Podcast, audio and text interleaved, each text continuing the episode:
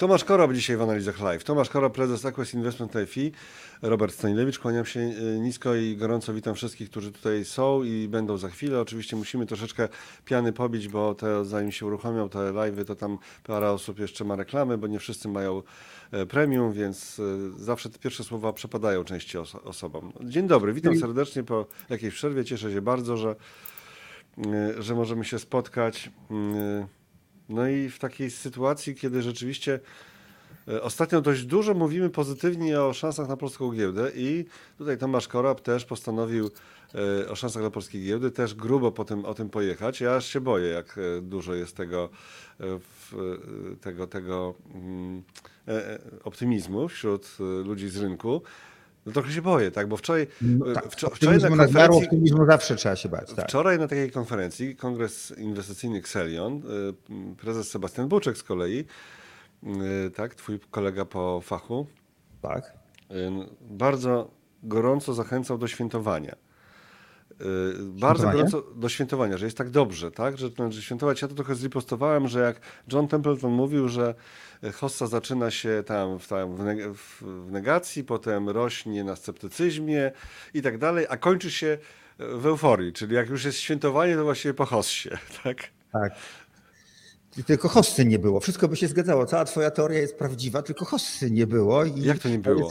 No, a to co się stało od października? A ubiegłego roku? Ubiegłego Parę roku. grosz, parę groszy od tego dołka, to to hossą nazywasz? To po prostu, to są, to wszystko nic, to są po prostu jakieś grosze. Te wzrosty nam się należały, e, były po prostu odbiciem od absolutnego dna. Mhm. E, te parę groszy, czyli wyniki w funduszach akcyjnych po najlepsze po 40 coś, a gro między 30 a 40. To parę groszy rzeczywiście. E, ale to jest po tym, jak oczywiście było minus 40. No zeszły, zeszły rok większość funduszy kończyła na poważnych minusach. W tym roku od początku roku mamy plus 18 i to rzeczywiście pod tym względem Polska, ale nie tylko Polska. Nawet mam taki ładny slajd pokazujący. Za chwilę że... będziemy pokazywać. Tak, tak, tak nie mhm. jesteśmy jedynym rosnącym rynkiem. E, I oczywiście trzeba zadać sobie, zawsze trzeba zadać sobie pytanie, czy te wzrosty mają uzasadnienie uzasadnienie i czy mają szansę pociągnąć dalej. No i zdania mogą być na ten temat podzielone. E, są szanse, są zagrożenia, e, jak zawsze, zawsze tak będzie, ale w naszej ocenie, zwłaszcza dla polskiego lokalnego rynku, no tych szans i tego momentum no, się całkiem sporo pozytywnego uzbierało. Okej, okay, i przechodzimy za chwilę już, za sekund kilka dosłownie, do mm, tego, tej zawartości merytorycznej. I to będzie potężna zawartość merytoryczna, jak zwykle u Tomasza Koraba.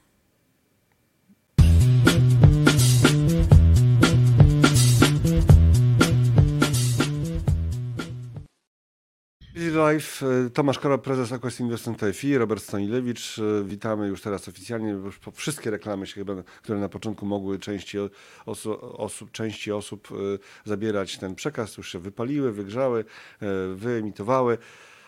To teraz, to teraz ruszamy z naszym tytułem. Wielkie szanse, a właściwie tytuł to tytuł, ale właściwie należałoby powiedzieć tak, jak jest to napisane w tytule tej części grafik, czyli mhm. początek wielkiego e, re-ratingu.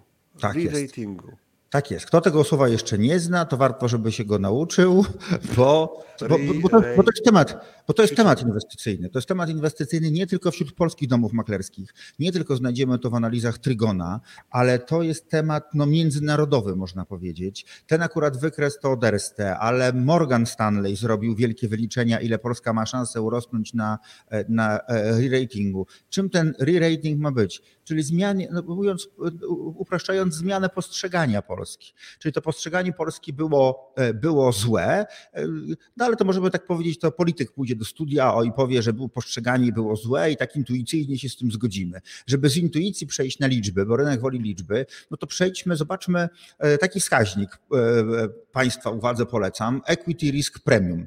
To w ogóle jakby wrócimy do, to jest fajne, jak chciałeś merytorycznie, to właśnie, to właśnie wróćmy do sprawy w ogóle podstaw inwestowania. Nie ma wątpliwości, a jak ktoś ma wątpliwości z Państwa, no to warto, e, warto naprawdę swoje stanowisko przemyśleć, że e, akcje zachowują się tak jak zyski firm. Kupując e, firmy, kupujemy ich zyski. Bieżące, przyszłe, stabilność tych zysków, perspektywy wzrostu zysków, ale jak firma nie ma zysków, nie ma perspektywy, perspektyw na jej wzrost, to choćby, to oczywiście krótkoterminowo mieliśmy jakieś wydmuszki zgrzane i tak dalej, ale to się nie utrzyma. No dlaczego? Dlatego, że no kasa się nie będzie zgadzała. Kasa się musi na koniec końców zgadzać. W krótkim terminie oczywiście możemy mieć panikę, możemy mieć modę, możemy mieć manipulację. W długim terminie obroni się tylko wartość, e, e, wartość akcji, a wartość firm bierze się z zysku. E, mniej z bieżącego, bardziej z wieloletnich zysków, z powtarzalnych, z perspektyw na przyszłość. Ale właśnie dlaczego o tym zysku mówię? Bo equity risk premium to jest przede wszystkim i dlatego właśnie oczywiście kupując akcje patrzymy na PIDOI, cena do zysku, czyli za iluletnie zyski kupujemy firmę. Ale jak odwrócimy ten wskaźnik i wyjdzie nam i do PI, czyli zysk do akcji, do ceny akcji, to wyjdzie nam w pewnym sensie rentowność tych akcji. E, natomiast jeżeli tę rento, od tej rentowności odejmiemy e, e, rentowność dziesięcioletnich obligacji, no to wyjdzie nam premia za equity, premia za akcje, prawda? Jeżeli teraz zrobimy taki wskaźnik dla całego rynku, no to wyjdzie nam, ile inwestorzy oczekują od akcji więcej, niż daje po prostu dziesięcioletnia obligacja skarbowa. I właśnie ten wskaźnik tutaj prezentujemy od roku 2007.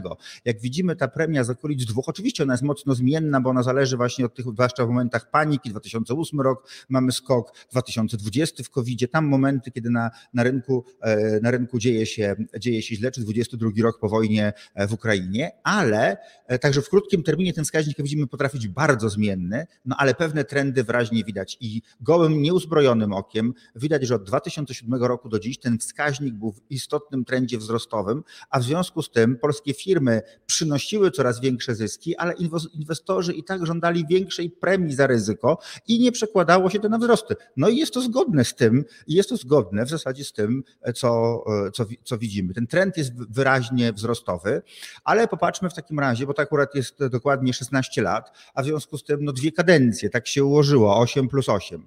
E, no i ta średnia widać, że w poprzednich latach no była 3,9 Natomiast e, e, w kadencji ustępującego rządu 6,6.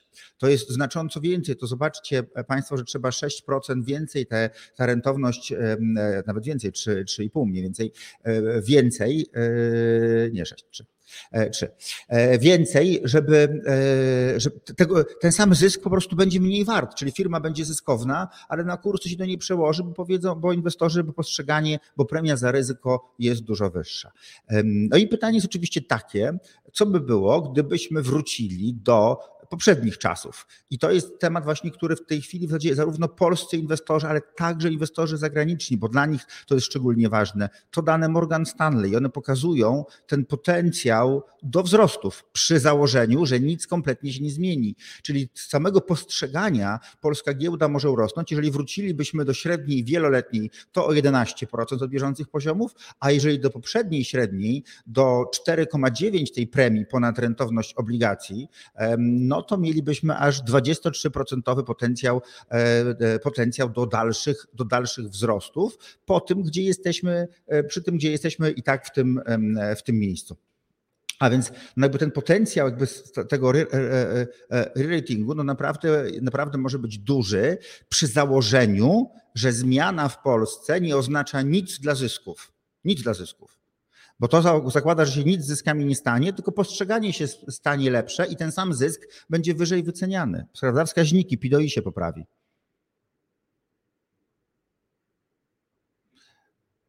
Przepraszam, Robert, ja cię nie słyszę. Nie wiem, coś się stało. Nie, nie, spokojnie. spokojnie. A, o, e, Czy to jest tak, że e, przy, przy takich samych zyskach, to, to już tak, mamy. Przy takich samych zyskach. A teraz oczywiście trzeba się zastanowić, czy jest szansa na to, żeby zyski rosły, prawda? No właśnie, Natomiast z czego oczywiście... wzrost zysków miałby wynikać na przykład? A to zaraz do tego Ewentualne. Chciałem mhm. tylko, jeszcze tylko chciałem jedną rzecz e, powiedzieć i pokazać, e, nawiązując do twojego wstępu, czyli no jedyne, co by nam mogło w tym wszystkim przeszkodzić, to to, że Polska już urosła. Ten rok jest w Polsce bardzo dobry. E, jak popatrzymy na stopy zwrotu funduszy, akcji, to akcji tam, prawda, te procenty, ale obligacje, rentowności, stopy zwrotu z funduszy obligacji po 10% year to date i tak dalej, więc inwestorzy w Polsce, przytłaczająca większość inwestorów, uczestników funduszu, raczej funduszy raczej ma powody do, e, do zadowolenia. E, oczywiście niestety dla wielu z nich oznacza to odrabianie strat z lat poprzednich dopiero, ale, ale nie dla wszystkich, którzy mieli lepsze wyniki w ubiegłym roku, to już są, to już są na, nowych, na nowych szczytach. Ale zwróćmy uwagę, że Polska wcale pod tym względem nie jest jakoś jakoś szokująco. To nie jest tak, że myśmy się zgrzali od początku roku o 40%, bo w Polsce będzie zmiana władzy. Grecja, Węgry, Czechy, w ogóle postrzeganie widzimy tutaj tego regionu całkiem nie najgorsze jest. S&P 500 jest plus 14 od początku roku. No, na tle Europy no to już duża, duża różnica, dużo, dużo, dużo na plus. Tak, zatrzymajmy się na chwilę przy tym. Co tutaj mamy? Tak, wybierzmy sobie ze trzy przykłady, żeby powiedzieć konkretnie, bo wiesz, nie każdy czyta tak w locie na Jasne. smartfonie taką no gęstą to grafikę. Zwrotu, to jest stopa zwrotu z, e, z indeksów, z indeksów MSCI dla poszczególnych krajów od początku roku, year to date, czyli do dziś. 27% Grecja, najlepszy rynek do, do zainwestowania. No. Węgry 26, no na trzecim miejscu Polska 18, ale Czechy 17, bardzo podobny wskaźnik, mhm. S&P 514. Ciekawostka emerging market, czyli Europa, czyli Euro, MSCI Europe e, plus 5, no to widać spora różnica na naszą korzyść, ale e, rynki wschodzące emerging markets minus 1, czyli no na tym tle wyglądamy lepiej, e, natomiast no, warto przypomnieć, że dyskonto Polski do innych rynków wschodzących, ja nie mówię do rynków rozwiniętych, gdzie i marże są wyższe, wyższe i stabilność większa, zwłaszcza w okresie takiego silnego napięcia politycznego, globalnego, jak obecnie. Natomiast do innych rynków wschodzących dyskonto dla Polski wynosi od 20 do 40%, w zależności od tego, czy patrzymy na cenę do zysku, czy na cenę do wartości księgowej i tak. Czyli Polska była szczołgana w stosunku także do innych krajów. Przy czym jak porównamy Polskę do wielu innych krajów, to sytuacja gospodarcza Polski no jest znacząco, ale to znacząco lepsza. To, co jest niedobre, to od razu zacznijmy, żebyś był zadowolony, bo ty lubisz, jak jest niedobrze, tak wyczuwam wyczuwam nie, od rana. Skąd? skąd? Tak, wyczuwam od rana. To jest, to jest inflacja, to jest główne wyzwanie e, dla, e, dla Polski. Akurat, akurat myślę, że decyzji RPP nie będziemy jakoś bardzo komentować, bo no, była mniej więcej spodziewana po raz pierwszy zgoda z jakimiś oczekiwaniami. Tak, tylko nagle słyszymy, chociaż rzeczywiście nagle słyszymy, że E, że inflacja jednak będzie, nie będzie spadać tak bardzo, tak łatwo. Tak? Już nagle retoryka się zmieniła. To jeżeli wie, przyjmować czynnik, e, te zarzuty niektórych komentatorów, niektórych komentatorów o jakieś wpływy jednak polityczne, to mo, można by uznać, że jednak mimo wszystko misja e, Mateusza Morawieckiego w tworzeniu tego rządu jest skazana na porażkę już z samego założenia. Oczywiście wiem, że to jest tautologia, co mówię, to jest takie ban trywialne, banalne, ale mamy, ale nie wiem, czy to, czy, czy to nie jest potwierdzenie, że no już ta inflacja na pewno nie będzie spadać, to już trzeba przestać bawić się tymi stopami i obniżać je jakby podnieśli stopy, to byłby dowód na to, że, że rząd Morawieckiego upadnie ekspresowo, zdaniem Banku Centralnego. Natomiast to żartujemy sobie. E, ale to warto zwrócić uwagę na jedną, wydaje mi się, rzecz ważną. ważną. To jest inflacja bazowa i jej miesięczne... Okej, okay, a ja chciałbym zostać jeszcze przy tym poprzednim, czyli przy tym, już nie zmienię go, tak, bo ty, przy tych e, wynikach rynków. Czy to znaczy, e, skoro tutaj mamy Węgry, Polskę, Czechy, pomijam Grecję w tym momencie, które tak mocno wystają ponad emerging markets, gdzie był minus jeden, 1% generalnie, to czy nasz region jest traktowany już inaczej? To jest jakiś inny rynek e, premature, premature no, czy tam jakiś inaczej, oderwany trochę od emerging markets? Czy to no się utrzyma? Czy... No właśnie, to, to jest pytanie oczywiście. Na, na, to pytanie takiej jasnej odpowiedzi to, e, to nie udzielę, bo tu jest bardzo dużo czynników się nakłada na to.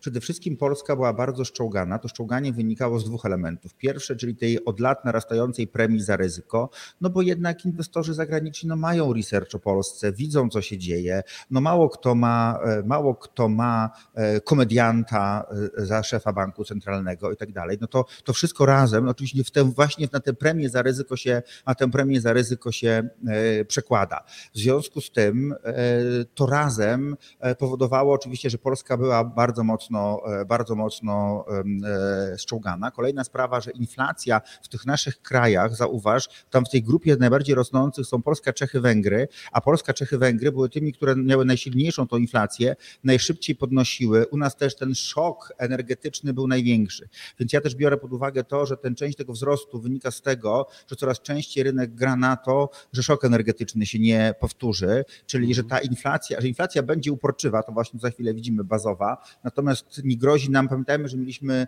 mieliśmy inflację bliską 20%. My, e, ale Czesi także, Węgrzy jeszcze większą. W związku z tym to może częściowo wynikać właśnie z tego, z tego elementu, a ponadto z kolejnego elementu, jakim jest przyzwyczajenie się do wojny w Ukrainie, e, która się po prostu no, tak opatrzyła, w tym sensie, że no, no brutalne brutalne, ale tak. No. Tak, brutalne, ale tak. No, życie toczy się dalej, inwestorzy inwestują, e, polscy inwestorzy już mniej panikują, osoby zamożne mniej pieniędzy wysyłają do Szwajcarii i tak dalej, bo to wszystko miało miejsce, nie oszukujmy się. Najwięksi klienci, e, e, milionerzy wysyłali pieniądze za granicę i Szczerze powiedziawszy, szczerze powiedziawszy, jak już się tak nad tym zastanowimy, to chyba nikim się nie dziwi. Natomiast no, to zjawisko już gdzieś tam się. To jeszcze o tej, jeszcze o tej, o tym, o tej klasyfikacji emerging czy nie tak. emerging. Tutaj pisze Paweł, Polska jest już developed market, na przykład FTSE. Okej, okay. była, Jedna była. Instytucja tak, kiedyś za, zaliczyła rynek, ale czy to faktycznie czy to faktycznie to oczywiście. Czy gospodarka jest, czy gospodarka jest, czy nasza gospodarka jest develop market już, gospodarka jako taka, bo rynek, rynek giełdowy został zaliczony. Ona z każdym rokiem, tak, ale gospodarka nasza z każdym rokiem upodabnia się do rynków, e, tak. do gospodarek rozwiniętych. To upodabnianie polega na czym? Po pierwsze na doganianiu, na domykaniu tego dystansu, chociaż, chociaż akurat w ostatnim roku po raz pierwszy od dłuższego czasu, ten, a w zasadzie od 20 pewnie lat, ten dystans się zwiększył. E, do średniej unijnej. To jest w ogóle, e, e, to też umknęło, ale, ale ogólnie to oczywiście nadrabiamy ten, nadrabiamy ten poziom i sięgamy już tych kilkudziesięciu procent tego poziomu średniego unijnego, jeśli chodzi o dochód, ale dochód to jedno, drugie to oczywiście pewne cechy wspólne. Mamy, mamy to, co mają rynki dojrzałe jako minus, czyli brak rok do pracy, to nas upodabnia do rynków dojrzałych. Rynki rozwinięte mają mnóstwo taniej siły roboczej, u nas siła robocza jest tania, ale drożeje i jest jej E, i jest jej za mało sami, zaczynamy być importerem tej siły roboczej i pracują u nas imigranci, upodabnia nas to do rynków rozwiniętych. Pozytywnie upodabnia nas do rynków rozwiniętych samofinansowanie gospodarki. My w zasadzie nie polegamy na zewnętrznym kapitale, żeby się finansować.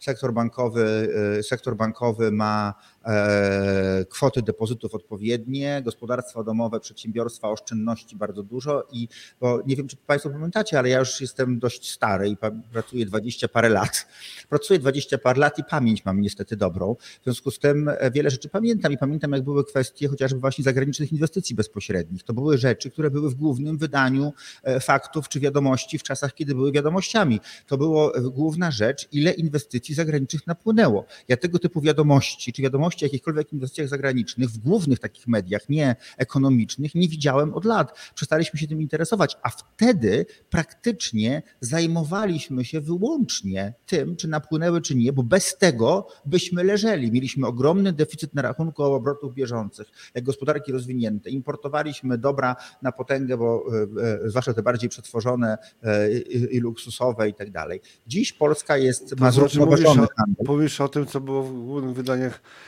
informacyjnych, ale ja nie ja? sądzę, żeby w newsroomach akurat decydowała o tych doborze tematów troska o nasz current account.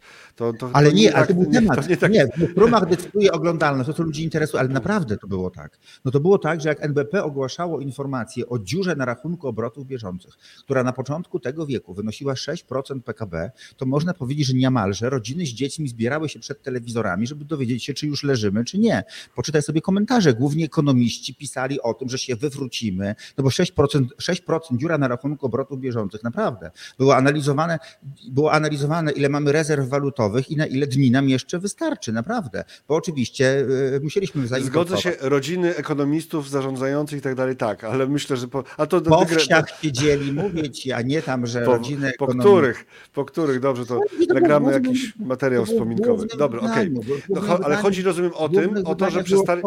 którą fabrykę Toyoty i tak dalej, okay. to wszystko było.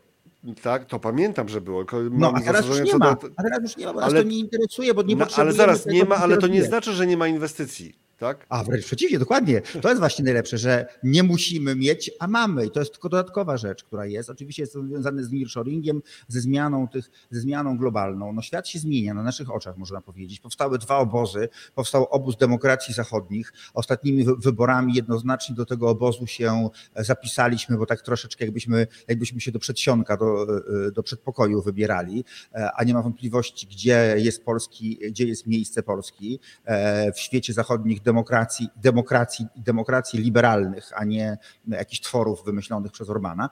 E, I tam się rzeczywiście e, za, za, zapisaliśmy, ale świat się podzielił na dwa obozy. Jeden skupiony wokół, wokół Chin de facto i ich satelitów w postaci Rosji i Iranu i, i tam wszystkich pomniejszych, co się na to, na to piszą, a drugi, a drugi obóz skupiony wokół Stanów Zjednoczonych, Unii Europejskiej, Kanady, Australii, tak Nowej Zelandii i tak dalej. I to ewidentnie tworzy, że świat się podzielił, on się podzielił e, na osi wartości, ale to się przekłada także na interesy, dlatego że gospodarka i zasoby i surowce zaczynają być e, bronią w tym, w tym, w tym już jawnym, jawnym konflikcie cywilizacyjnym i to, ja wiem, że może teraz prosimy tak górnolotnie, ale to jest też rzecz, którą trzeba brać pod uwagę w swoich decyzjach inwestycyjnych. Firmy zaczynają brać w swoich decyzjach, rządy spotykają się z dużymi koncernami i zachęcają w Niemczech i tak dalej do tego, żeby brać pod uwagę sytuację geopolityczną, żeby zapewnić dostawy strategicznych surowców, żeby zapewnić wytwarzanie leków i tak dalej, to powoduje, że mamy duże zjawisko, ten nearshoring, o którym już trochę zapomnieliśmy,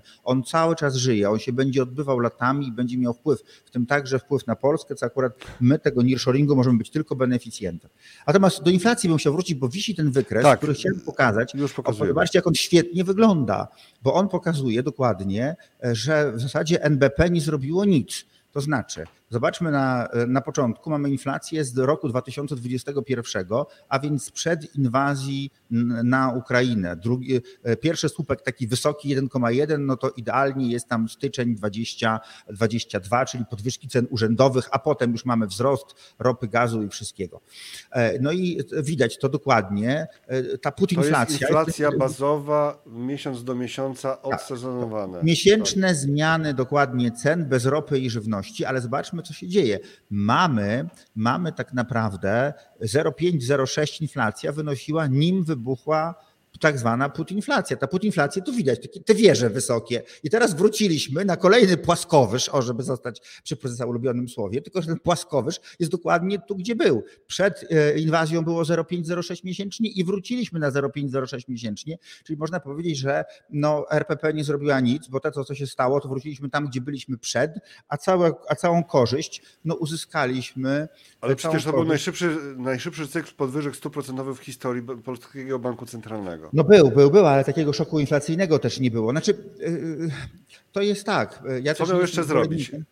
Tak, swoją, pomijając, ale słuchaj, pomijając koloryt, retorykę i tak dalej, i tak dalej, konferencje, co miał więcej zrobić, żeby tą inflację sprowadzić, skoro był to najszybszy cykl podwyżek stóp procentowych w historii Banku Centralnego w Polsce? Nie był najszybszy. E, szybki to on był, dlatego że był spóźniony, to on był stromy. Jeżeli, bo najszybszy, trzeba wyjaśnić słowo, co znaczy najszybszy. Oni szybko podnosili, bo za późno zaczęli. To jest, można tak powiedzieć, jak samolot, który startuje, no troszeczkę za późno się wziął, a przed nim są kury. Ale no wszystkie banki centralne, tam, ale wszystkie tak? banki centralne, Czesi byli wcześniej. Czesi byli wcześniej, okej. Okay. I co to im... Nie no, Czesi byli wcześniej. Tak, ale... Mieli, tak, ale nie, nie, to, to ja nie mówię, że, że inni wypadli na tym tle świetnie, chociaż oczywiście na przykład taki Fed ma dużo większe sukcesy, bo jest bardzo blisko swojego celu inflacyjnego. Ja też nie mówię o tym, że podwyżki na przykład powinny być dużo wyżej, dlatego żebyśmy bardzo mocno dławili gospodarkę. Moim zdaniem można było zacząć wcześniej, można było trochę więcej podnieść i można było później zacząć i było, można było dużo później zacząć obniżać, albo w ogóle nie zaczynać jeszcze obniżać, dopóki się właśnie tej inflacji, dopóki inflacji nie zdławi, bo inflacja 0,5 miesięcznie no to, no to da nam inflację 6-7% rocznie. To jest za dużo, prawda? To jest inflacja, która nie jest dla, dla gospodarki korzystna i to jest główne wyzwanie i można powiedzieć, to jest główne wyzwanie dla, dla polskiej gospodarki na najbliższy czas. I widać, że ta inflacja po prostu ustabilizowała się na tym, co było przed inflacją. Minęły szoki naftowe, ceny, ceny ropy, e, ropy, gazu, e, węgla się ustabilizowały, natomiast jakby inflacja bazowa, która w polskich warunkach nakręcana jest e, nadmiernym popytem wywołanym, wywołanym dynamicznym wzrostem płac i akcją kredytową, no to się po prostu nie, nie stało. No, trzeba schłodzić popyt w gospodarce. Schłodzić popyt w gospodarce to trzymać wyższą, to trzymać wyższą stopę. I to niestety, i to niestety nas czeka. Pokazujemy to jako zagrożenie dla tego scenariusza, żeby właśnie po pierwsze no nie wyszło zbyt optymistycznie, żeby to widzieć. Ponadto to może oznaczać, że zostaniemy z dłuższymi stopami procentowymi dłużej. Inflacja w krótkim terminie ma jeszcze okazję. Pytanie od... jeszcze, pytanie. Konflikt zbrojny za granicą nie ma już znaczenia? E, A Konflikt Johnny zbrojny pyta. za granicą ma znaczenie.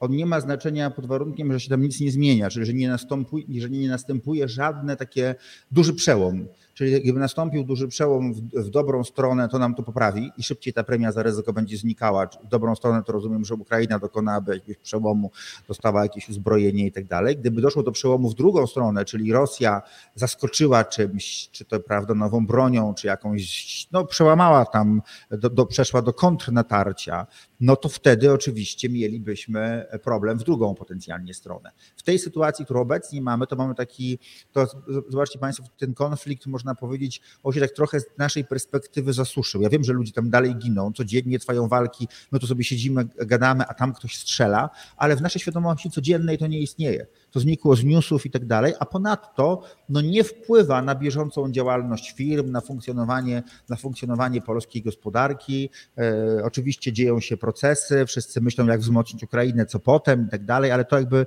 w, bieżących, w bieżącym sentymencie nie ma w bieżącym sentymencie nie ma e, znaczenia. To, to wracajmy do inflacji. Wracajmy do inflacji. Tak, to tylko ciekawostka do inflacji. Jak Orlen zaniżał ceny, a jak teraz, a jak teraz podnosi. To tylko tak. Miesięczna zmiana, codzienna, codzienna zmiana metra sześciennego e, bezołowiowej 95 Orlen Hurt.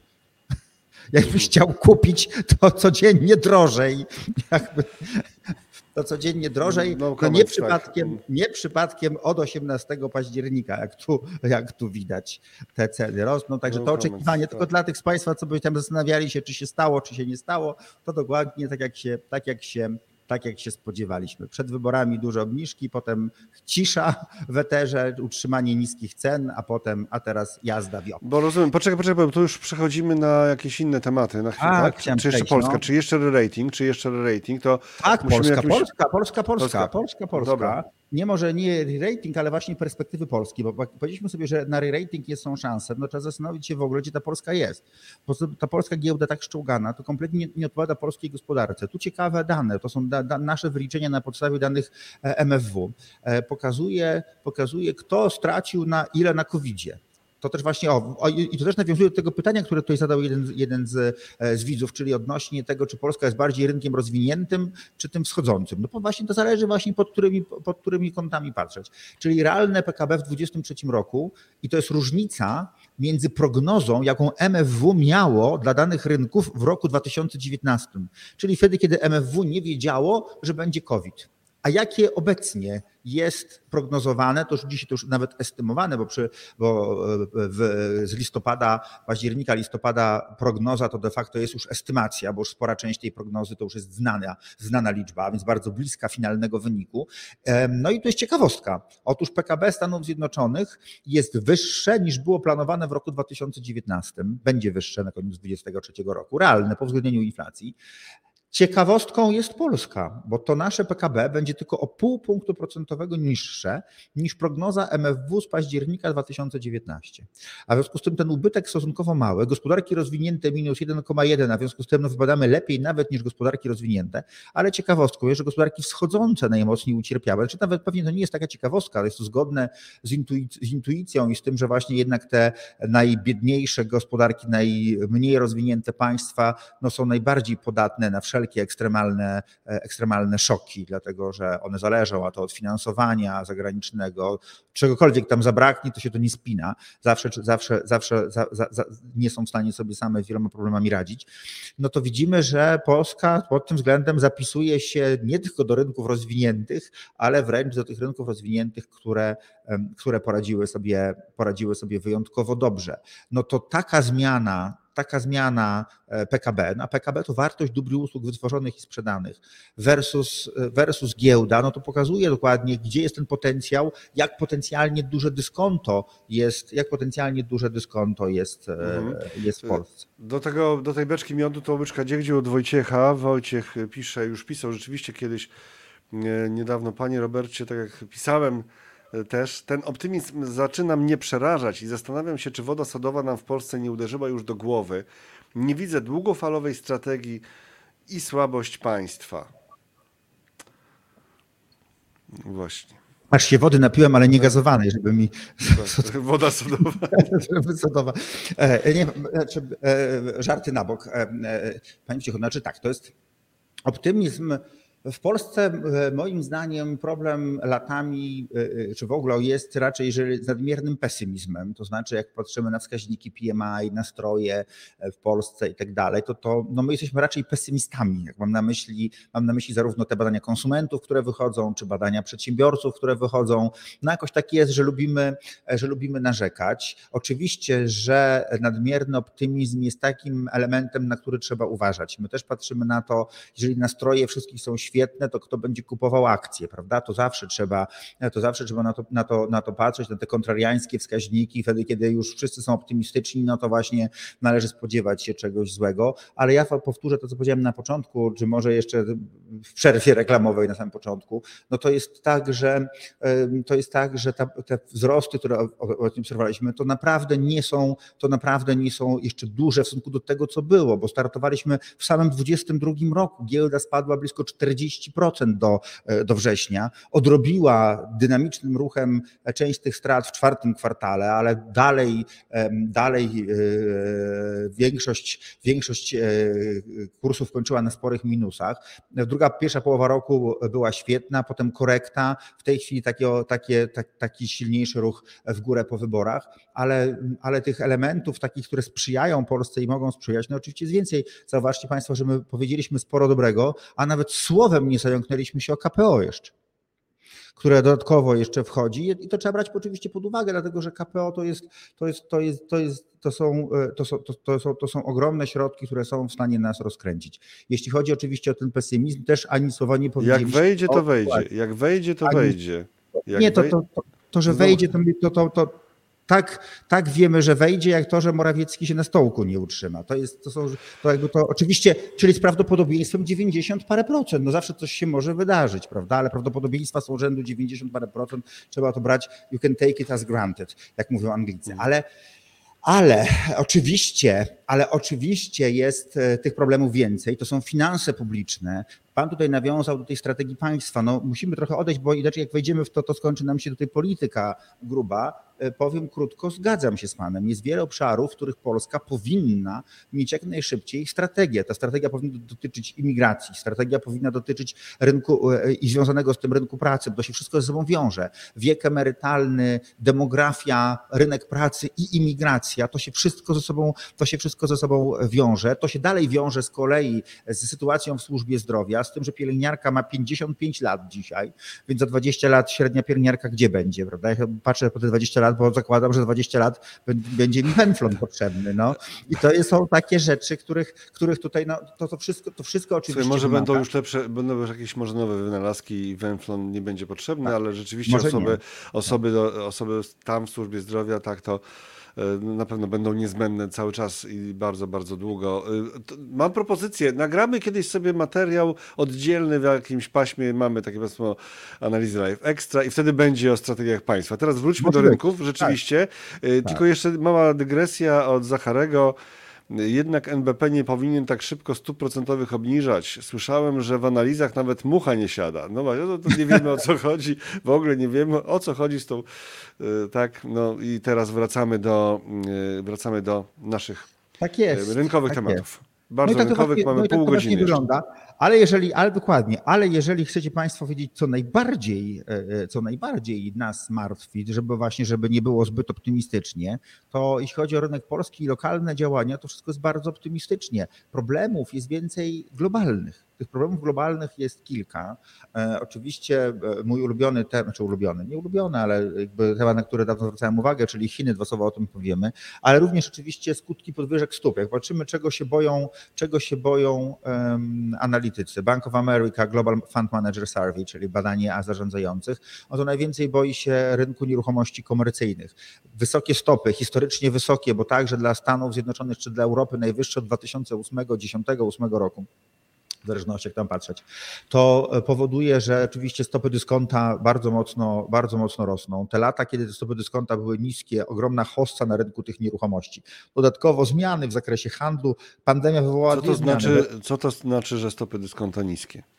Stopy dyskonta były niskie oczywiście e, w momencie, w szczycie obniżek stóp. No bo jeżeli mamy, no bo nieruchomości... Co to są stopy ceny, dyskonta? Już mówię, tak. Sorry, ale tak. Dobrze, dobrze, dobrze, dobrze, dobrze, oczywiście, bo zakładamy, że to jest oczywiste. Nieruchomość komercyjna, czy jest to galeria handlowa, czy jest to biurowiec, tak naprawdę, żeby obliczyć jego wartość, to kluczowa jest stopa dyskonta, czyli rentowność, bo e, znamy czynsze. Wiemy, kto ile płaci, czyli możemy obliczyć, jakie są przepływy z tego budynku. Tak patrzą wszyscy inwestorzy. Kupują takie nieruchomości w Polsce to w ogóle 90 kilka procent zagraniczne fundusze emerytalne i tak dalej, czy wyspecjalizowane w nieruchomościach. One liczą tak. Dochód dyskontuje stopą, wychodzi mi cena po prostu z przepływów, z prostego DCF-a wylicza się taką wartość, taką wartość takiej nieruchomości. I oczywiście wiemy, jak bardzo wrażliwy taki model z dyskontowanych przepływów pieniężnych jest właśnie na stopę dyskontową. To stopa dyskontowa bardzo mocno zeszła, dlatego że mieliśmy rentowności obligacji bliskie zeru, a nawet przez długi czas ujemne. Skutkiem tego budynki były kupowane z rentownościami, na przykład w Niemczech kupowało się z rentownością 4. No jak obligacja przynosi 0, no to oczywiście 4% rocznego dochodu z budynku, no to jest całkiem e, rozsądnie. Tylko teraz oczywiście obligacja przynosi e, tyle. Na lokacie e, stopa procentowa jest, więc te stopy się przesunęły i to oczywiście ma wpływ na ceny tych nieruchomości. Banki chętnie na to pożyczały. Jest poważne, jest poważne zagrożenie. E, jeśli chodzi z kolei o Chiny, to tam dużo większym problemem jest mieszkaniówka.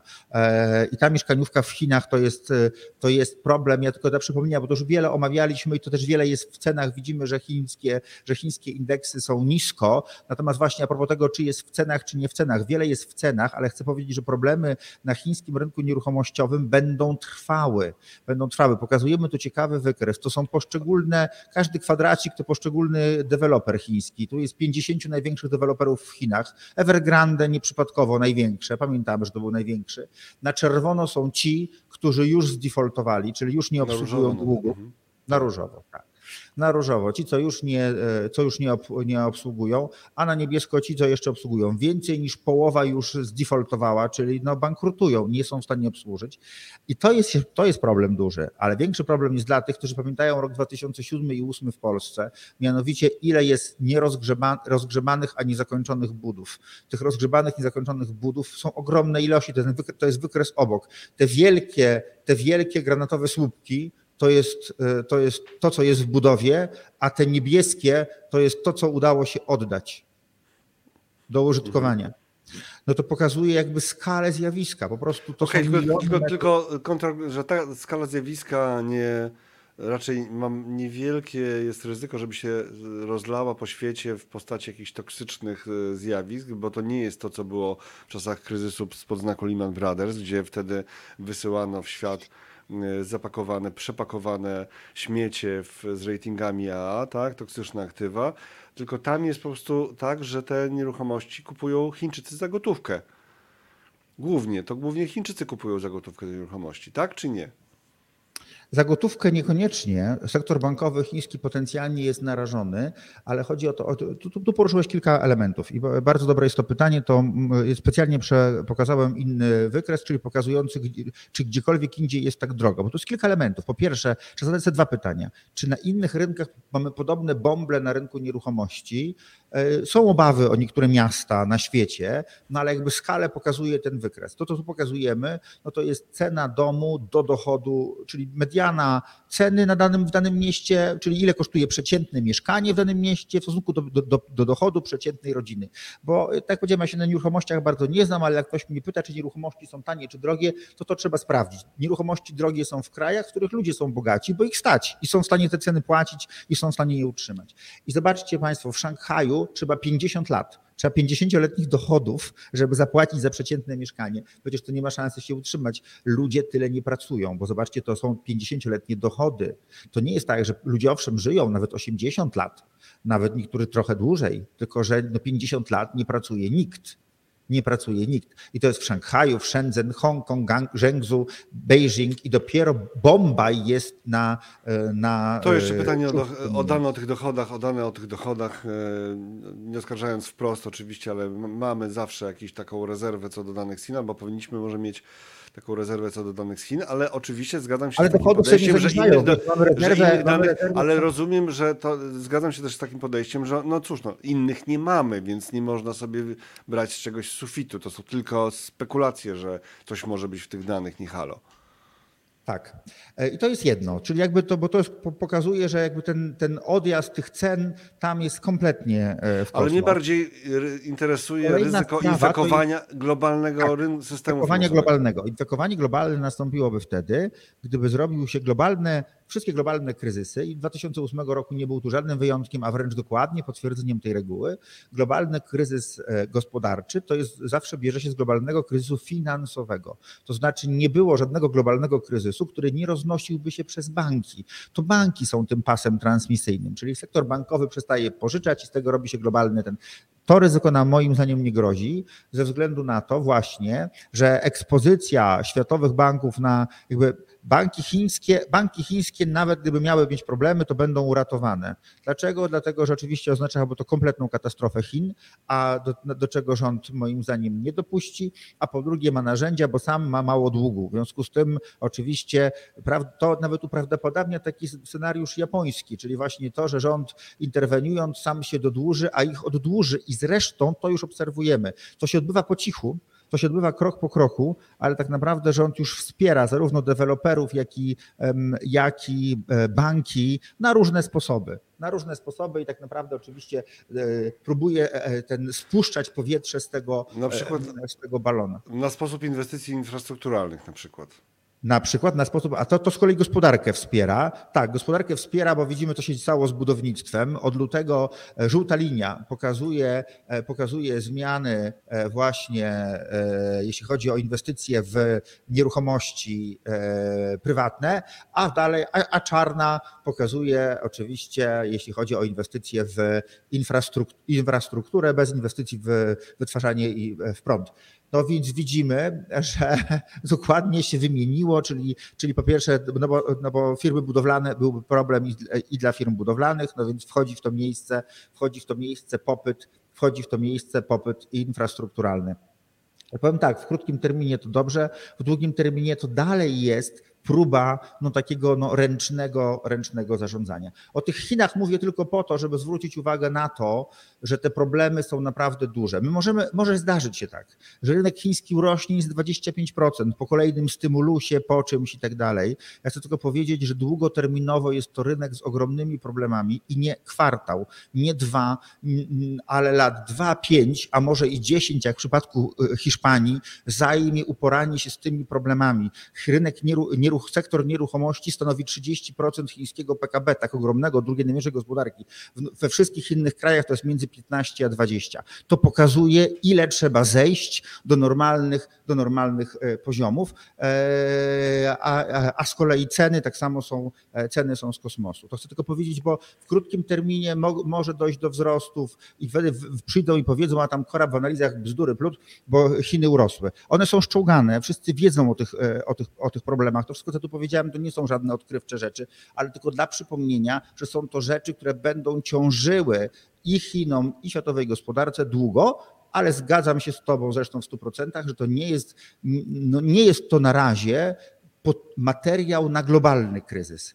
Natomiast trzeba monitorować, bo jak w dużej gospodarce, w dużej gospodarce, drugiej największej, dzieją się zjawiska negatywne, dzieją się zjawiska dalece niepokojące, to nie można się odwrócić i być, a tam niech sobie się tam martwią ci Tak. Chińczycy, nie? Jasne. Ale i jeszcze jedna rzecz, to pytanie o, to, o eksport de- deflacji. Tam, tam się w Chinach pojawiła deflacja i to CPI w lipcu i teraz też chyba tam e, nie, świeże dane, nie, sorry, nie pamiętam, ale to w tych dniach były te dane. e, Ale generalnie skoro w Chinach ceny nie rosną, tak, to znaczy, że będą eksportowały deflację. I kontrargument, który słyszę w wielu miejscach, że ale uwaga, mamy nearshoring, mamy friendshoring, friendshoring, i, czyli mamy taką deglobalizację, która zamienia się w globalizację, ale w sektorach, e, czyli w takich grupach państw. A deflacja w Chinach minus 0,2%, a miało być minus 0,1%.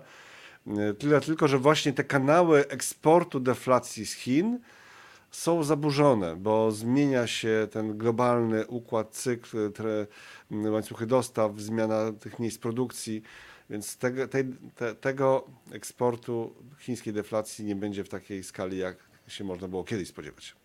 Tak. No to idziemy No dalej. tak, no dokładnie powiedziałeś to, co chciałem powiedzieć na ten temat, tak. Nie mam tylko, nie mam tylko slajdu, wiesz. No słuchaj, ważniejsza jest rozmowa mam, bo, bo, mam, bo mam bardzo fajny wykres, albo ktoś z Państwa ma razem. i poszukajcie sobie, liczba barier handlowych na świecie. Bo to właśnie, co powiedziałeś, jest nawet wykres, który to obrazuje. Mhm. To jest liczba barier handlowych, jakie zostały wprowadzone w ostatnich latach. I tych barier o, od czasu ustąpienia Trumpa nie przybyło. To już się zaczęło i tych barier tylko przybywa i tylko przybywa i tylko przybywa. A czym są te bariery? No są tamą właśnie dla tego rozlewania się tej deflacji, czyli jakby bariera handlowa powoduje, że nie, za, że nie zaimportujemy sobie deflacji chińskiej, ale to oczywiście oznacza wyższe ceny u nas, czyli tę inflację na wyższym, czyli tę inflację na wyższym, na wyższym poziomie, bo głównym deflatorem, można powiedzieć, dla światowej gospodarki od lat były Chiny. I nie ma znaczenia, czy tam ceny rosły, czy spadały. Przecież ceny na rynkach rozwiniętych, rozwiniętych gospodarkach spadały dlatego, że sprowadzaliśmy tanie towary z Chin. Po prostu. I w związku z Mhm. Wracamy tym trzymaliśmy, nie mogliśmy podnosić cen. Stany właśnie, bo trzeba ruszyć z tymi Stanami.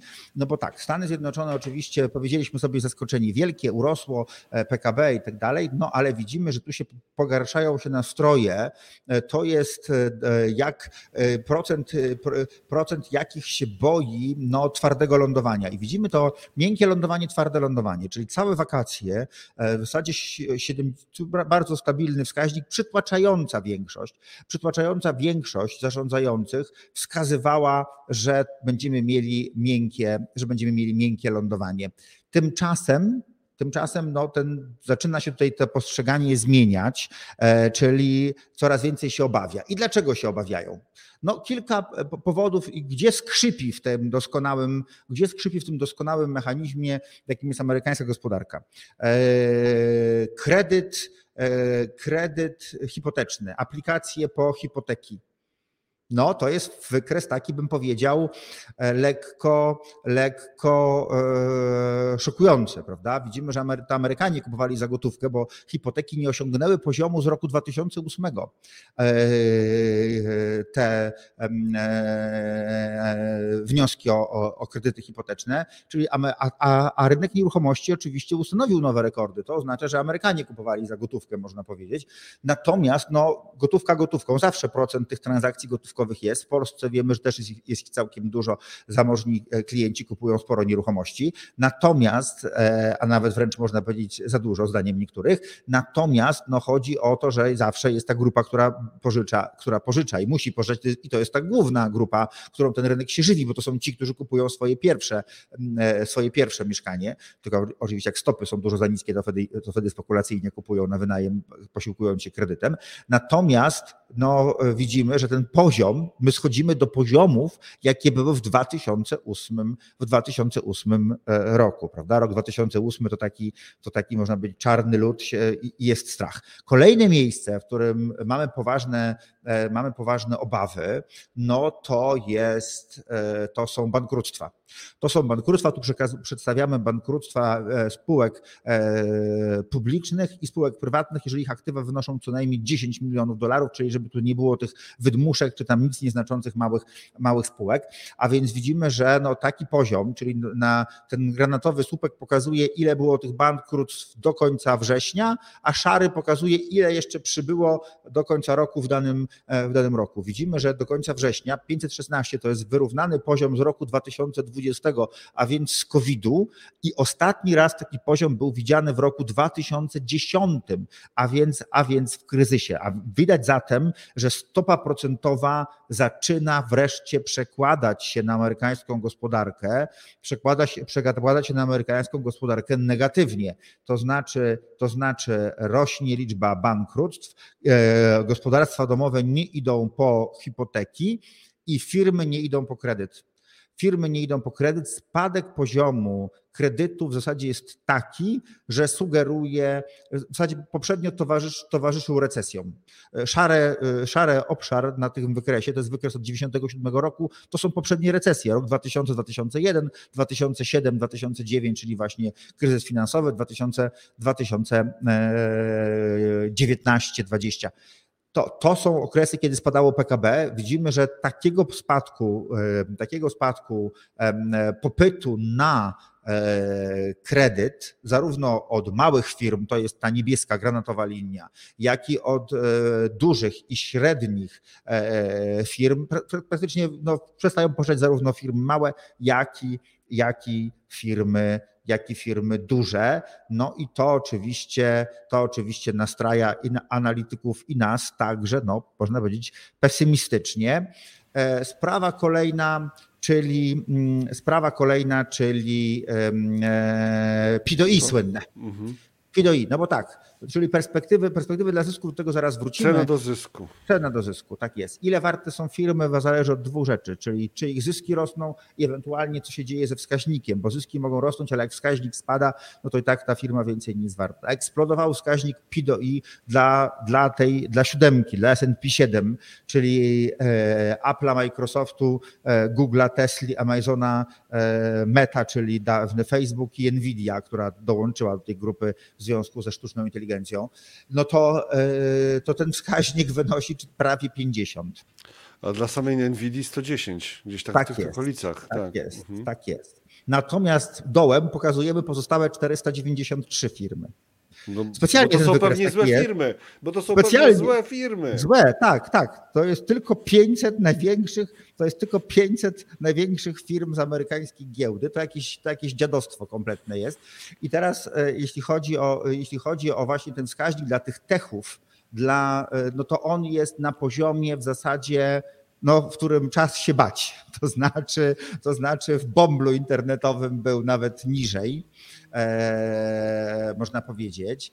Natomiast relatywnie do, relatywnie do, bo tu jest wskaźnik relatywnie do S&P, do S&P 500, Natomiast, i to właśnie widać, o może lepiej nawet na tym wykresie, e, czyli, e, e, a na tym wykresie z kolei widać inną rzecz bo tam mamy te, te zyski, bardzo, wysok, bardzo wysoki wskaźnik cena do zysku, a tu pokazujemy, że to nie jest też z niczego. To nie jest tak, że w tej Ameryce są sami idioci i płacą to PIDOI z kosmosu. Otóż marża w tym sektorze high-tech rośnie nieprzerwanie, można powiedzieć z krótką korektą na początku wieku, ale cały czas, ale cały czas rośnie. I ona wynosi w tej chwili no 20 parę procent to nikt tyle nie zarabia, prawda? Tu chodzi o to, że na przychodach w Polsce marża wynosi 5%. Dla spółek tradycyjnych w Ameryce, jak widzimy, wynosi około tam 90. Jak to nikt? Jak to nikt? A deweloperzy nie mają takich marsz? Na sprzedaży, na sprzedaży chyba nie. Ale nie, teraz, ale... teraz to pewnie mają, teraz to pewnie mają, ale taka standardowa marsza deweloperska aż tak wysoka jak w high-techu nie jest. Czyli to, to, to powiedzieć, ale oczywiście Pokazywaliśmy zresztą kiedyś, Robert, taki ciekawy wykres, w zasadzie statystykę pokazującą, że kto kupił w szczycie w roku 2000 te, te wszystkie e, spółki, które tak były kochane przez inwestorów, Microsoft i tak dalej, i tak dalej, i parę innych, no to właśnie chyba tylko na Microsoftie wyszedł lepiej niż na S&P 500. Na wielu ma, na wielu ma. Jeżeli na wielu ktoś ma kupił w szczycie, jeżeli ktoś tak, kupił w szczycie, tak. Tak, no, tak ale także, to jest także też, warto, to jest też przykład, który pokazuje, że lepiej inwestować może tak systematycznie po prostu. Tak. Żeby... Tak, to jest jedyne wyjście w zasadzie, bo nigdy nie wiemy, gdzie ten szczyt, gdzie ten szczyt będzie. Tacy, I te zyski którzy, w ogóle dla są Amerykańskich... tacy, którzy uważają, że wiedzą, ale to pomijamy tutaj. Tak. I właśnie, y, ale marże w ogóle w Ameryce rosną. To jest wykres od 2012 roku i widać tą, e, widać tą, e, e, widać tą marżę dla, dla S&P 500 bez oczywiście sektora finansowego, no bo tam oczywiście to zupełnie inaczej wygląda. No i teraz inaczej wyglądają przychody, inaczej zysk później. I teraz widać, no, no trend jest bardzo wyraźny i tu widzimy oczekiwania, konsensusy analityków na najbliższy okres. Te marże mają rosnąć, no dobijają do tych tych, do tych rekordowych, które były w pandemii. No kilkanaście procent marży, to naprawdę, no, no to tego nie było. To w latach 70. to te stopy zwrotu, to te stopy, to te stopy dochodowości były w zupełnie, zupełnie innym miejscu. I jeszcze, żeby to z kolei też nieco bardziej optymistycznie powiało, w końcu piątek jest, to z kolei trzeci kwartał 2023 roku jest e, kwartałem, w którym spółki zaskoczyły najbardziej od dwóch lat.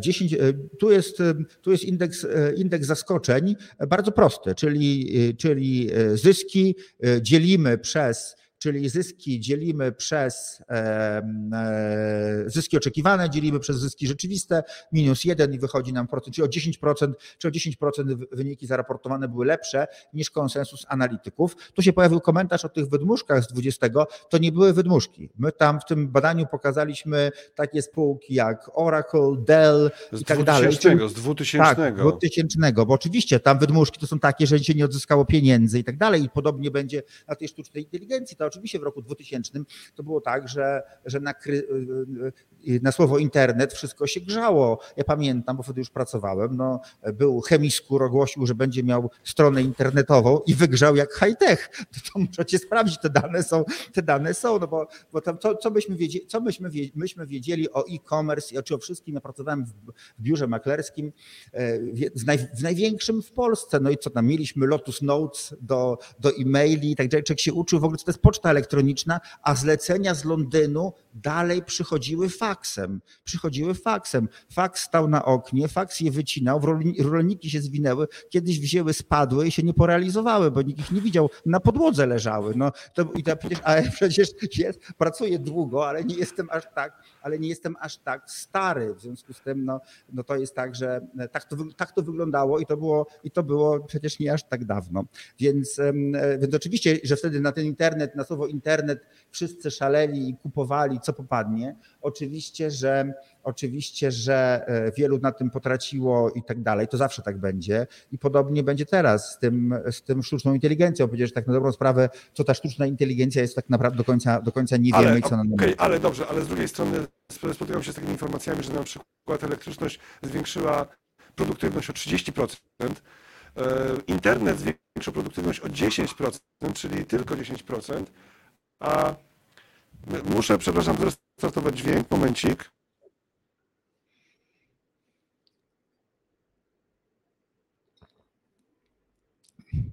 O tej produktywności e, rozumiem, że Robert też. Mała tak? przerwa w transmisji. Mam nadzieję, tak, tak że, że tak, że 10% e, internet, a e, sztuczna inteligencja ma dać ma dać 40% e, zwiększenia efektywności. Oczywiście zawsze można mówić, jak to jest badane, liczone, jak szacowane, że coś się może wydarzyć i tak dalej, że to ma być 40%. No właśnie. No właśnie, no to, no to, jednak... to, pokazuje, to pokazuje, jaki byłby to skok. E, ale też jakby właśnie, to może o tej produktywności, to może dwa słowa, to może dwa powiemy. No bo e, po pierwsze tego tematu sztucznej inteligencji to ja to ja tak trochę, to ja, jak, jak, tylko mogę, to unikam. Pierwsze, jak tu zaczniemy, to pewnie y, ile osób będzie, tyle będzie zdań, bo jest to temat gorący, temat wdzięczny i bardzo dużo, no nie wiemy jeszcze rzeczy. Wiemy, że coś, że nadchodzi wielka zmiana. Wiemy, że wiemy, że sztuczna inteligencja jest w stanie na, na, na zdjęciu na USG zobaczyć, zobaczyć raka, kiedy jeszcze żaden lekarz go w ogóle nie widzi, bo kiedy nauczy się ją milion tych zmian oglądać, to ona na takim etapie rozpoznaje, że bije lekarzy, wiemy to już po prostu, tak? A to, a to wszystko są rzeczy, które jest tak trudno przeliczyć, ale one się przekładają na tyle potencjalnie, potencjalnych, na tyle potencjalnych zmian, zarówno, e, ale bo, dlaczego właśnie nawet od tego przykładu zacząłem, bo tu chodzi nie tylko o to, że to się przełoży na zyski firm, ale ma szansę, oczywiście to jest też duże zagrożenie, jak zawsze, ta, podobnie jak energia atomowa, można stworzyć z niej bombę, można stworzyć z niej elektrownię, e, która nie emituje CO2, ale z drugiej strony terroryści mogą w nią uderzyć. Tak, tak, tak, tak jest. Tworzymy coraz potężniejsze narzędzia, to są miecze obosieczne, które mogą przynieść jedno i drugie. Sztuczna inteligencja ma potencjał do zmiany, e, do zmiany zmiany, do jakości życia i poziomu życia nas wszystkich, ale przede wszystkim, ale przede wszystkim każdego z nas z prostego powodu. Bogactwo narodów bierze się właśnie ze wzrostu wydajności pracy. Bardzo trudno, zobaczcie, no dlaczego zarabiamy, jakby obej, obej, obejrzyjmy się wstecz, zobaczmy, nie wiem, przed wojną poziom życia, w XIX wieku poziom życia, no tak, można powiedzieć, że prowadzimy taki poziom życia, jaki w XIX wieku był dostępny dla kilku procent społeczeństwa. Teraz dlaczego? Dlaczego ja mogę płacić ludziom określone wynagrodzenie? Kiedy to się będzie zgadzało? No tylko wtedy, kiedy wartość tego, co wytwarzają, będzie większa to tylko wtedy, bo w długim terminie firma padnie, jeżeli będzie płaciła pracownikom pensje większe niż wartość tego, co oni wytwarzają. To jest oczywiste, oczywiste równanie, ale nie każdy nad tym się zastanawia. Zwłaszcza pracownicy, jak przychodzą po podwyżki, prawda? Ale, ale no to równanie musi się zgadzać. Jeżeli się w firmie nie będzie latami to równanie zgadzało, czyli będę płacił pracownikom więcej niż wartość tego, co wytworzyli, no to padnę i nie ma firmy, nie ma gospodarki. I teraz kiedy, a pensje chcemy, żeby rosły no to wiadomo, że kluczowym elementem jest właśnie ten wzrost wydajności. Jeżeli ona w długim terminie będzie rosła, to wszystkim będzie lepiej. Ja mogę płacić więcej i zyski mogą rosnąć, więc to już nie jest wyłącznie temat inwestycyjny. Jest to temat kluczowy w ogóle dla, e, to jest temat kluczowy i gospodarczo, i politycznie, bo oczywiście potem my żądamy płac, chcemy, żeby nam się poprawiało, a jak nam się nie poprawiać, to z czego? No właśnie ze wzrostu wydajności pracy, z tego, że zarabiamy, zarabiamy więcej. Więc ta sztuczna inteligencja ma ogromny, ma ogromny, ma ogromny potencjał. Takie przełomy są potrzebne, te właśnie wzrosty, bo aha, bo też fajnie, że nawiązałeś do tego prądu i, tej, i tego internetu. Podobnie PC był takim przełomem z lat 80., prawda? Czyli komputer osobisty. On bardzo dużo, dużo wprowadził. No, zobaczmy, co zrobił Excel versus kalkulatory i liczydła, prawda? Mhm. Natomiast Natomiast e, właśnie chodzi o to, że ten wzrost wydajności odbywa się skokowo. On nie odbywa się liniowo, nie jest tak, że on jest dany, że on jest zagwarantowany i się toczy, tylko po prostu odbywają się skokowe wzrosty tej wydajności i właśnie sztuczna inteligencja ma taki, ma taki potencjał. Padło pytanie o wojnie. Właśnie, tak. Tak, to jeszcze teraz, właśnie. Bo, bo, mówimy tutaj bardzo pozytywnie o polskim rynku, o amerykańskim rynku mówimy, pokazałeś, że e, ta historia o tym, że jest drogo, dotyczy kilku spółek, a reszta e, indeksów, po prostu cała ta masa spółek e, daleko ma do nich, jeżeli chodzi o wycenę, o cenę do Nawet się znormalizowały, można powiedzieć. To jest pozytywne. Mhm, mhm. Ale zawsze. Na długoterminową, zeszły na długoterminową średnią. Zawsze jest to pytanie o to, co się, jak wpłynąć mogą jednak ruchy tektoniczne na świecie, tak? Czyli e, wojna tu, wojna tam, zrobiło się bardzo niebezpiecznie na świecie w ostatnich latach. Zdecydowanie zbyt niebezpiecznie, żeby tak zupełnie spokojnie o tym myśleć. No i dobrze, jak to, jak to wpływa na te bezduszne indeksy? No właśnie, czort go wie. Po prostu. No to, Mazgaje to, takie tutaj na tym tak, wykresie. Świetny Ojej, wykres, dokładnie, dokładnie. Co na tym wykresie widać? Nic. I właśnie dokładnie taka jest odpowiedź, bo po prostu na nim nie widać, na nim nie widać nic. To znaczy, pokazujemy zachowanie indeksów, jeśli chodzi o, e, chodzi o e, wojny i konflikty e, w XX wieku, przenajróżniejsze, jakie miały miejsce. Zachowanie, zachowanie indeksu S&P 500. Jak widzimy, no trudno powiedzieć. Przeciętnie zachowywał się przeciętnie, czyli no jak popatrzymy na wszystkie te, no przeciętnie giełda trochę rośnie i przeciętnie rosła. Po jednych konfliktach, od momentu wybuchu konfliktu e, rosło, po niektórych nawet dość mocno, po niektórych, e, po niektórych spadało. Oczywiście, oczywiście także to, to nie, ten y, przeszłość nie mówi nic. E, każdy konflikt oczywiście różni się, bo w zależności od tego, na jakim toczy się terytorium, czy jest zagrożeniem dla cen ropy, czy nie, to może być gorzej, źle i tak dalej. Wiemy, że wiemy, że wojna, na wojnach niektórzy zarabiają, większość traci. E, ci, co zarabiają, potrafią zbijać fortuny i to oczywiście dlatego też tak często są te teorie spiskowe, prawda, o tych wojnach i tak dalej. E, natomiast, e, natomiast, natomiast jest tak, że per saldo bogactwo się rujnuje, giną ludzie, niszczy się mienie, nie ma wątpliwości, że po konflikcie suma, suma majątku, suma, suma bogactwa jest po prostu niższa, ale oczywiście część traci wiele albo wręcz wszystko, a część się na tym dorabia i to, dlatego to budzi oczywiście takie, takie, takie emocje.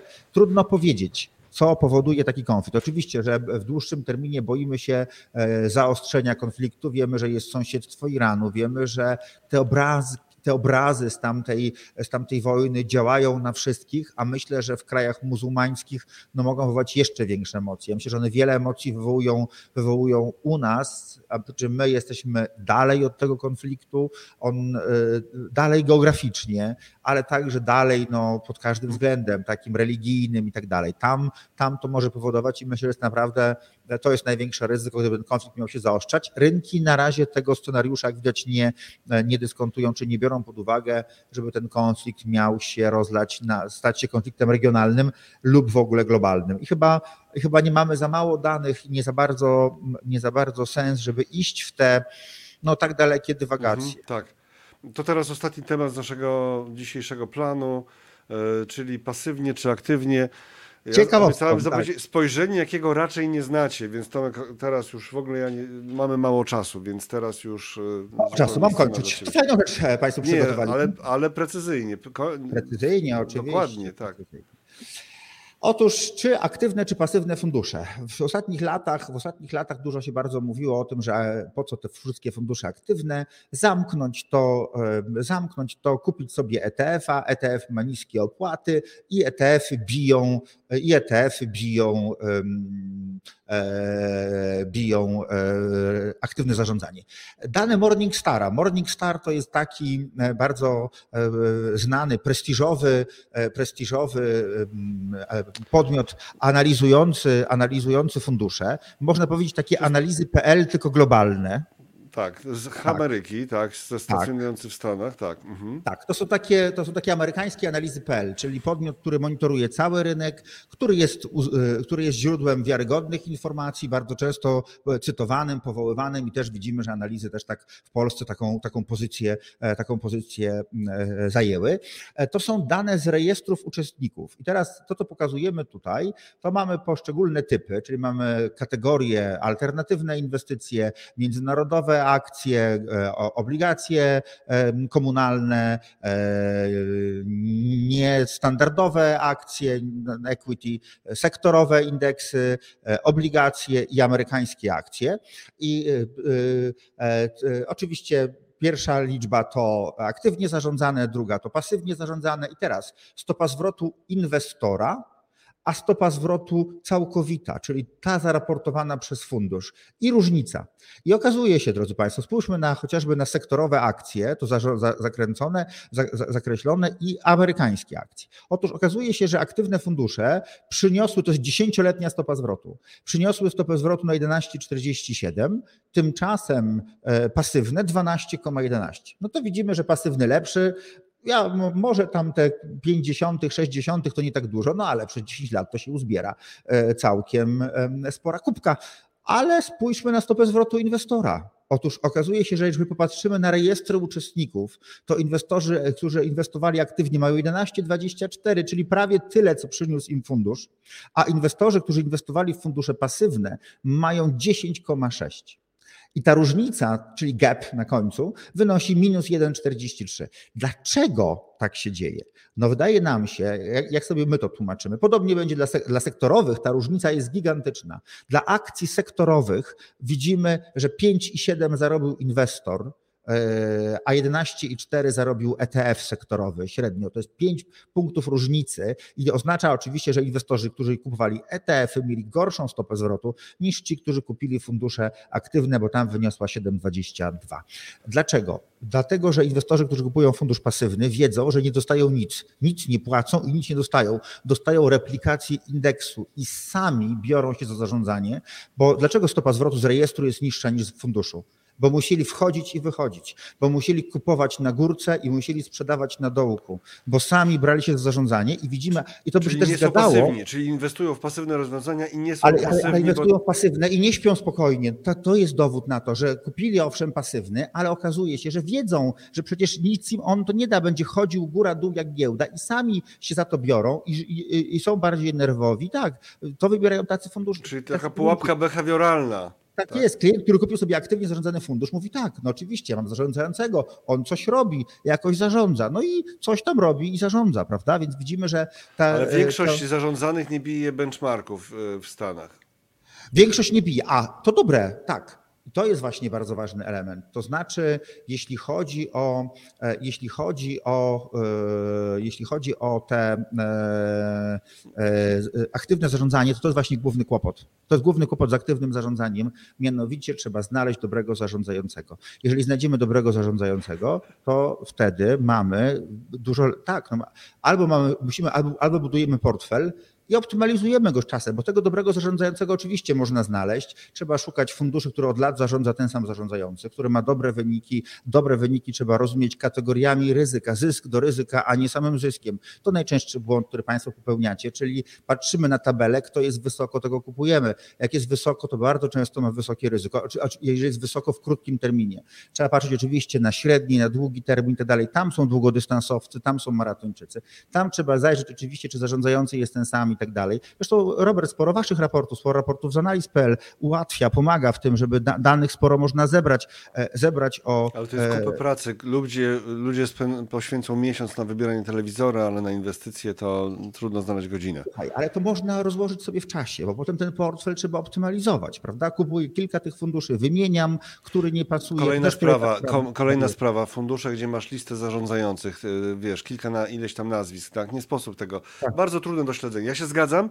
Jest to ciągle bardzo trudne, mimo tego, że w analizach się staramy, żeby jednak te dane dostarczać i kleju, nie da się tego słuchać. To, no to, to jest pole oczywiście, to jest oczywiście pole do pole do, e, do doradztwa, prawda? Gdzieś, gdzie tutaj właśnie rzeczywiście i pewnie dla, dla podmiotów, które by się tym profesjonalnie, profesjonalnie e, zajmowały. I też mam nadzieję właśnie, że się to, że się to rozwinie. No jednak, e, jednak mhm. aktywne zarządzanie ma, to jest właśnie problem. No w WTF-ie można wziąć, można powiedzieć, pierwszy lepszy z brzegu, tam tracking error, error się tylko różnią. W przypadku aktywnego zarządzania niestety trzeba wykonać większą pracę i poszukać, i poszukać tej stopy zwrotu. To jeszcze jedna, tylko tutaj y, uwaga, komentarz od Pawła. E, rozmawialiśmy o tym, że oni wchodzą i wychodzą, tak? Biorą instrument pasywny, ale sami nie są pasywnymi inwestorami. Tak. Niestety i tu jest ta pułapka, bo wtedy, się, bo wtedy te koszty rosną. E, Paweł pisze, Fidelity już dawno to sprawdziło, najlepsze wyniki mają martwi. No ale to właśnie. Martwi? No w sensie, że oni niczego nie zmieniają, tak. A, A że, że ich, w tym sensie. No. Że nie, że, ja powiem tak, ja kiedyś, ja kiedyś robiłem, można powiedzieć, e, e, swoje własne badanie, bo dostałem takie zadanie jako tam jeszcze młody doradca z licencją i tak dalej, wieloletni performance klientów badałem i mogę powiedzieć moje takie własne badanie zrobione na, na sporej bazie danych klientów. E, to jest no, na, na, powiedzmy na zamożnym, na indywidualnym zarządzaniu portfelem, ale całkiem reprezentatywna próba, bo tam było grubych, grubych kilkaset tych klientów. Trzy grupy bym wymienił. Mamy trzy grupy, trzy kategorie e, klientów. Mamy klientów, którzy, e, pierwsza kategoria mamy klientów, którzy nie robili nic, tam można było wybrać sobie sposób odbioru korespondencji. Na przykład klient mógł zaznaczyć, że będzie odbierał na miejscu i mieliśmy takiego jednego, który miał taką wielką kupę, że myśleliśmy, że nie żyje, tylko że, że był znany i w telewizji go było widać, dlatego można było dalej domniemywać, że klient istnieje. No to wiadomo, że jemu wyszło tak jak w tym ETF-ie, no bo chodził, nie zmieniał strategii, no szedł jak rynek. I taka grupa klientów była, czyli w ogóle mało się interesowali. Potem była przeciwna grupa klientów, którzy codziennie sprawdzali wartość tego portfela. No ci wykonywali, jak się Państwo domyślacie, właśnie te ruchy, które tu prezentujemy. Dla nich ten gap był największy, bo oczywiście oni byli nerwowi i tak dalej. Ja, ja dziś, dziś, mając doświadczenie, które mam, takiej jednej pani, to bym powiedział, żeby ona sobie ten portfel zamknęła i darowała sobie, naprawdę, bo to po prostu nie jest, nie jest zabawa dla niej, za dużo nerwów ją to kosztowało. Przy okazji nas też, ale to już inna rzecz. A potem żeby była grupa... zamknęła i schowała kluczyk w miejscu, którego, żeby komuś dała do, kluczyk tak, do schowania. Dokładnie tak. Albo tam dostawu tej kaczce złotej wrzuciła do legendy i tak dalej. Natomiast jeśli chodzi o, natomiast jeśli chodzi o grupę, która była całkiem spora, to byli klienci, którzy raz na 3 do 6 miesięcy naprawdę poświęcili godzinę na to, żeby się spotkać, porozmawiać i tak dalej, dokonywali niewielkich korekt, jeżeli były potrzebne. Coś się w tej strategii zmieniało i tak dalej. I oni naprawdę mieli najlepsze stopy zwrotu. No i to jest Najbardziej, jakaś tak, wskazówka. Tak jest. Mhm. Bez rekomendacji, wskazówka. Dzisiaj głównie mówiliśmy o tym re-ratingu, po, polskim re-ratingu, re-ratingu polskiego rynku. E, Zachary Zorian po drodze gdzieś tam napisał, że z, z punktu widzenia dalszego niż Warszawa wcale nie wygląda, żeby było tutaj jakoś drogo, bo tutaj były takie obawy, że zbyt duży optymizm wśród zarządzających, wśród komentatorów. Dzisiaj o 11 w Kup Fundusz, e, na kanale Kup Funduszowym będzie Sebastian Buczek, który na pewno też będzie tryskał optymizmem, bo jest z tego znany, że e, no, to, to, to, Sebastian, okej, tak, jest, że tryska optymizmu. No to No świetnie. tak, To, mała dawka optymizmu w listopadzie nam nie zaszkodzi. Nie wiem, czy to będzie mała dawka, właśnie może przerażająco duża dla niektórych, ale tak e, tutaj trzymam się tego, co e, napisał właśnie, zaraz jeszcze na koniec pokażę. E, może mi się uda? A może nie. O właśnie. Zachary pisał z perspektywy dalszej niż Warszawa. Nie widać żadnego nadmiernego optymizmu na polskiej giełdzie, a perspektywa Zacharego to gdzieś tam na e, pewnej wyspie na Atlantyku aż e, gdzie e, Tak. tak, na tak kawałku daleko Hiszpanii- sięgamy, no na, na kawałku Hiszpanii gdzieś tam rzuconym na, gdzieś tam na Atlantyku. Pozdrawiamy gorąco, pozdrawiamy wszystkich, którzy z nami byli. Zachęcamy do tego, żeby zrobić sobie subskrypcję kanału Analizy Live. Oczywiście jeszcze parę sekund na lajki, to jest ten moment. I dziękujemy bardzo. Tomasz Kora, prezes Equest Investment TFI był dzisiaj z nami. I do zobaczenia y, jeszcze może w grudniu się uda. Chyba się No w grudniu trzeba się zobaczyć, Tak, jeszcze zobaczyć. Tak, oczywiście. Tak. Dziękuję Dzięki. bardzo. Dziękuję, dziękuję, dziękuję.